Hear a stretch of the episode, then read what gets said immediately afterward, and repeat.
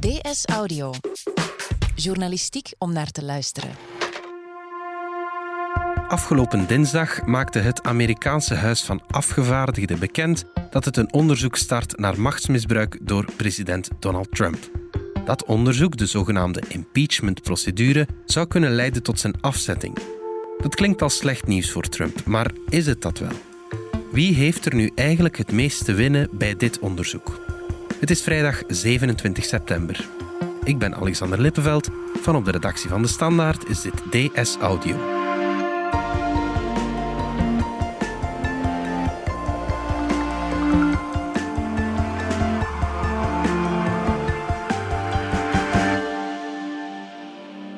Ine Rooks, buitenlandjournaliste. Er wordt al lang gepraat over het starten van een impeachment-procedure die zou kunnen leiden tot de afzetting van president Trump. Maar deze week is dat effectief in gang gezet. Ja, dat klopt.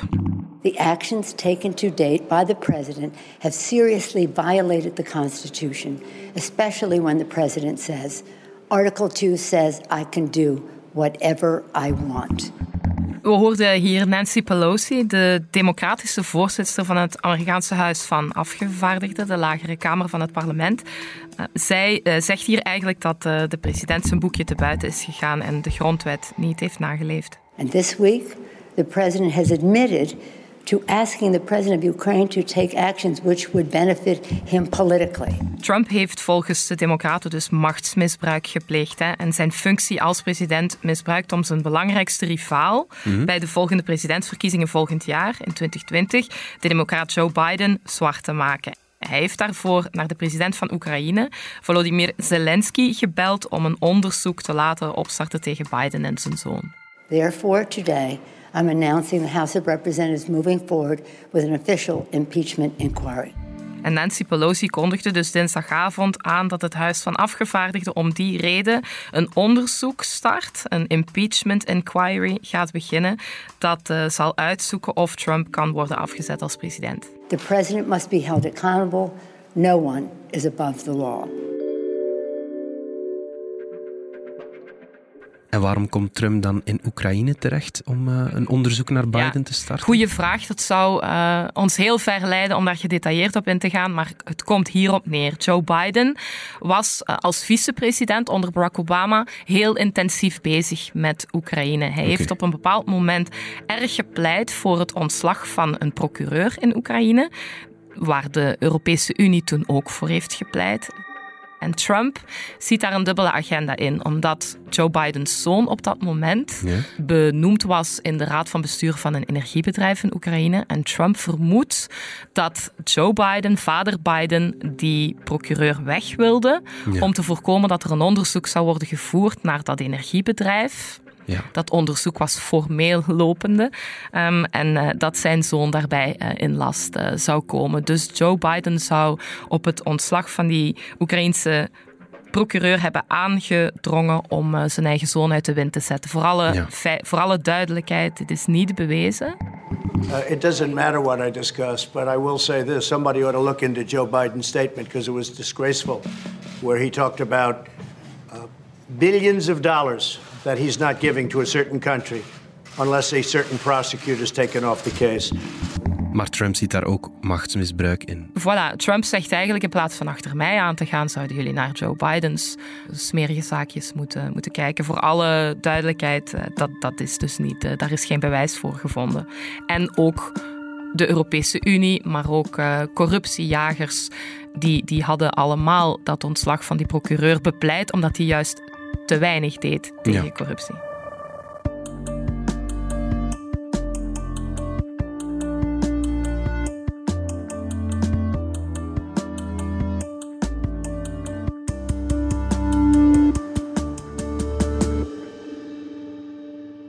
Woensdag is er een uh, transcript vrijgegeven van dat telefoongesprek tussen president Trump en Zelensky, eh, de Oekraïnse president. Wat staat daarin? Ja, dus daar was het op wachten. Maar wat daarin staat, ja, eh, dat was een heel interessante lectuur. Mm Komt erop neer dat eh, Trump in dat gesprek, hoewel hij vooraf zei dat hij slechts in algemene termen over corruptie in Oekraïne had gesproken, in dat gesprek echt meermaals heel erg begint aan te dringen op een onderzoek tegen Joe Biden. Joe Biden kan volgend jaar de democratische uitdager worden bij de presidentsverkiezingen tegen Trump. Dus we horen Trump, uh, of we, lezen dat in het uh, transcript van dat telefoongesprek, meermaals aandringen, pleiten bij Zelensky op dat die een onderzoek naar Joe Biden laat openen in Oekraïne.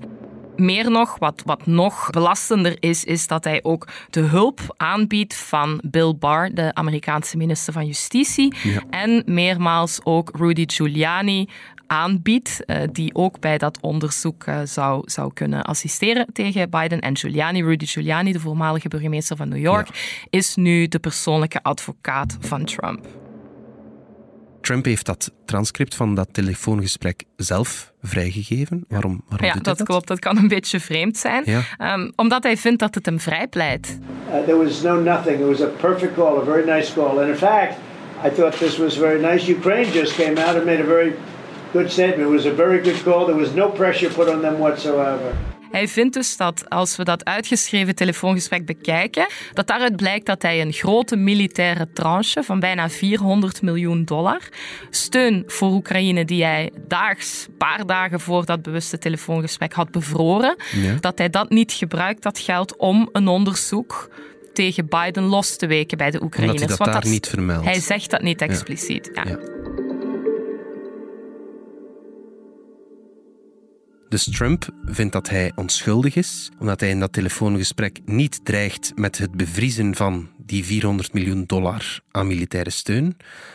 Maar de Democraten zien wel machtsmisbruik in ja, dat gesprek. omdat de Democraten zien en zeggen, en dat klopt ook, dat Trump zijn functie als staatshoofd, als president, heeft misbruikt om in een gesprek dat hij alleen kon hebben als president, als staatshoofd, dus een gesprek met een collega, met de Oekraïense president, dat hij dat gesprek gebruikte mhm. om aan te dringen op een, een, een onderzoek tegen Joe Biden. Om modder boven te halen tegen mogelijk zijn democratische uitdager. Dat heeft hij als president gedaan. Hij heeft dus eigenlijk buitenlandse hulp gezocht met het oog op de campagne van uh, eh, 2020. Dat zeggen de democraten, is misbruik maken van jouw functie als president. En dat zijn high crimes en misdemeanors. En dat is dus strafbaar met, uh, met een impeachment volgens de democraten.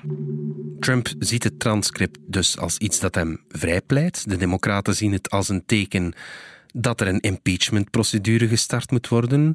Hoe kan je die twee conclusies uit éénzelfde transcript van dat telefoongesprek trekken? Ja, dat zijn twee heel verschillende conclusies.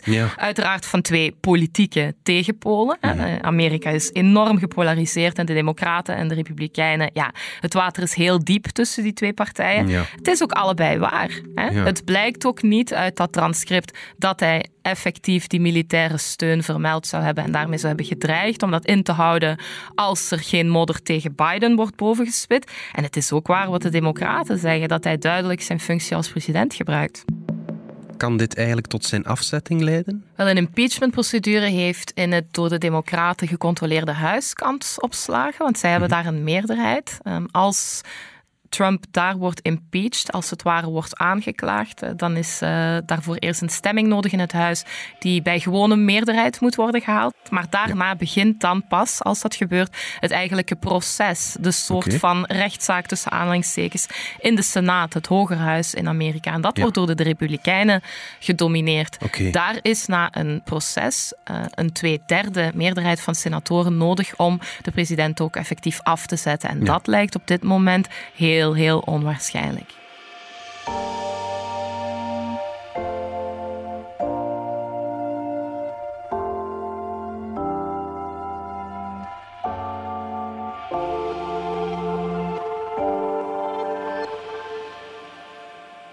We zijn zo terug. Starten met een zaak. Voor sommigen blijft het een droom, anderen gaan er volledig voor. In Startschot, een podcast van KBC, laten we de doeners aan het woord. Zoals Stijn van Brouwerij de Poes. Wij hebben ze altijd geleerd, je kunt niet alles kunnen. Maar als je niet alles kunt, moet je tenminste wel durven luisteren naar iemand die er wel meer van weet dan u. Startschot, een podcast vol inspiratie over starten met je eigen zaak.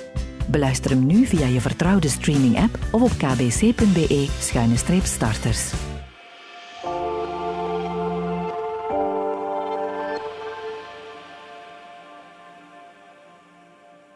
Het is dus niet helemaal zeker, Ine, dat het telefoongesprek tussen Trump en de Oekraïense president tot Trumps afzetting kan leiden. Integendeel zelfs. Het lijkt heel onwaarschijnlijk. Maar waarom is Nancy Pelosi dan toch zo'n impeachmentprocedure gestart? Nancy Pelosi heeft heel erg eh, gehuiverd voor een impeachmentprocedure, precies omdat de Democraten heel goed weten dat dit nu in de Senaat niet te halen is bij een Republikeinse meerderheid. nee. Dus daarom heeft ze ook maandenlang op de rem gestaan, terwijl vooral uh, de uiterst linkse parlementsleden in haar fractie, de, de mensen zoals uh, de heel bekende, ook bij ons, Alexandria Ocasio-Cortez uit New York, Elizabeth Warren, die hebben heel lang op impeachment aangedrongen, Pelosi niet. Pelosi staat als voorzitter voor de centrumkrachten in de Democratische Partij. En zij ziet en zag de grote valkuilen van een impeachmentprocedure, ja, waar ook Trump zelf goed garen bij kan spinnen. Hij kan zijn basis nu aanvuren en zeggen: Dit is, zoals hij al heeft gezegd, witch hunt garbage. dit is een, een, een gore heksenjacht tegen mij. En uiteindelijk is ze dan toch overstag gegaan. Ja, ze is overstag gegaan omdat ze een heel sterke druk voelde uit de hele partij. Niet alleen de linkervleugel, maar zeker ook centrumkandidaten. Centrumkandidaten die nieuw zijn in het congres, nieuw mhm. zijn in het parlement. En er zijn er een paar bij met een eh, verleden bij de inlichtingendiensten in Amerika. En die hebben gezegd, mevrouw de voorzitter, als wij nu niks blijven doen, dan kost ons dat ook ons zitje. Die centrumkandidaten zeiden tegen Pelosi: we moeten niet alleen rekening houden met het risico dat Trump zich hierdoor versterkt door een impeachmentprocedure. We moeten ook echt rekening houden met het grote risico dat onze eigen achterban, de democratische kiezers die we sowieso nodig hebben, ja, dat die ons gaan eh, wegzetten als lame ducks, als een passieve oppositie. En daarom heeft Pelosi gezegd: ja, let's do it. Dus Pelosi zat eigenlijk gevangen tussen haar achterban, die dit heel graag wil en de wetenschap dat ze het mathematisch toch niet gaat halen. Ja, het is een soort catch-22, Absoluut, zeg maar. dat is echt een, uh, om het met een mooie Amerikaanse roman te zeggen. Ja, een uh, catch-22. Dus die impeachment-procedure is gestart om te kijken of Trump de wet overtrad en afgezet kan worden. Kunnen we dit zien als een soort uh, campagnemiddel van de Democraten? Ik denk niet dat, um, dat in eh, campagne hoofdkwartieren van de Democraten is gezegd dit is nu een goede campagnetool voor ons in hmm. impeachment. Wel in tegendeel, want dit betekent dat zij het grote risico lopen nu om maandenlang de campagne rond Trump te laten draaien door die impeachment, terwijl hun eigen thema's in de verf zetten nu op het tweede plan dreigt te belanden. We weten dat de Democraten op hun best zijn als ze in verkiezingscampagnes met hun eigen thema's aan de slag kunnen gaan. Met gezondheidszorg, met onderwijs, met uh, een lager collegegeld, een hoger minimumloon. Kan Trump hier dan van profiteren? Voor Trump is dit mogelijk wel een campagnemiddel van formaat. Hè. In 2016 is hij in de slachtofferrol geduwd. Hij heeft zich daarin gewenteld. Hij was de outsider, de maverick, degene die het establishment op zijn kop ging zetten. Mhm. En zijn achterban was daar dol op. Dus als zij nu al begint met te spreken van een witch hunt, een heksenjacht tegen mij. Hij zegt: Ik leid in de peilingen. Ze kunnen me niks. Ik ben heel populair bij de achterban en bij de Republikeinse hmm. partij. Ja. Wat ook zo is. Ze vinden niks om mij te pakken, dus ze beginnen met een impeachment. Ja, die Calimero-rol, daar houdt hij wel van. Ja. Look, it's just a continuation of the witch hunt. It's the worst witch hunt in political history. We have the strongest economy we've ever had. We have the best unemployment numbers we've ever had. Uh, African American, Asian American, Hispanic American, lowest in history. Best numbers we've ever had. Our country is doing phenomenally well.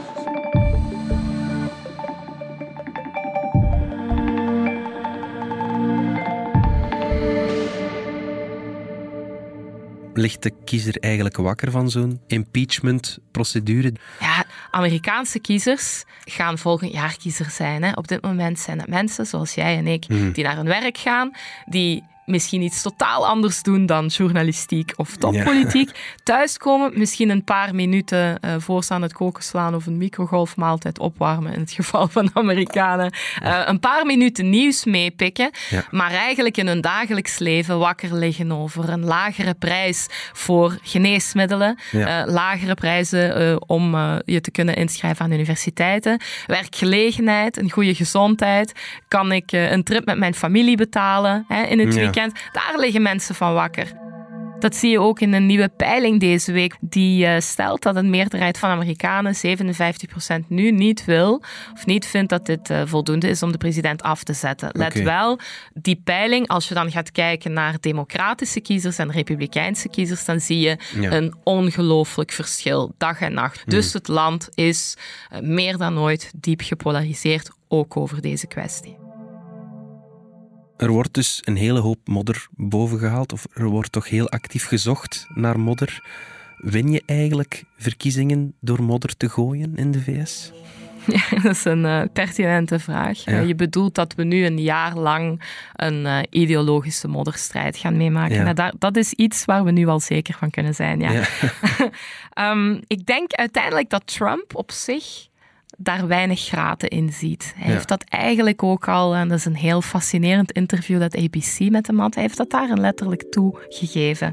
Je haalt modder op tijdens de campagne om je tegenstander mee te beschadigen. En Alexander, dat is heel, heel Amerikaans. Ja. In elke verkiezingscampagne van het laagste tot het hoogste niveau zijn er actief ploegen eh, in de weer om modder en belastend materiaal te verzamelen over de tegenstander. Je hele privéleven en verleden wordt uitgespit. Ja? Heel Eh, negatieve Heel campagnevoering. negatief. Ja. En dus Trump is ook grootgebracht in die cultuur. Dus dat verklaart ook waarom hij eigenlijk op zich geen graten zag in bij iemand anders eh, gaan vragen om, eh, om modder tegen een tegenstander. Dat hij dat doet als president bij een ander staatshoofd is natuurlijk waar het hier allemaal om draait. Ja, en ik denk dat dat eh, de sleutel is om te begrijpen waarom die man dat transcript, dat velen toch belastend vinden, vrijgeeft. Omdat hij eigenlijk vindt dat is, that's the way politics work. Het draait eigenlijk nu allemaal al om de kiezer. Hè. Ja. Dat is... Dat Dat is eigenlijk eh, de grootste conclusie die we nu kunnen trekken.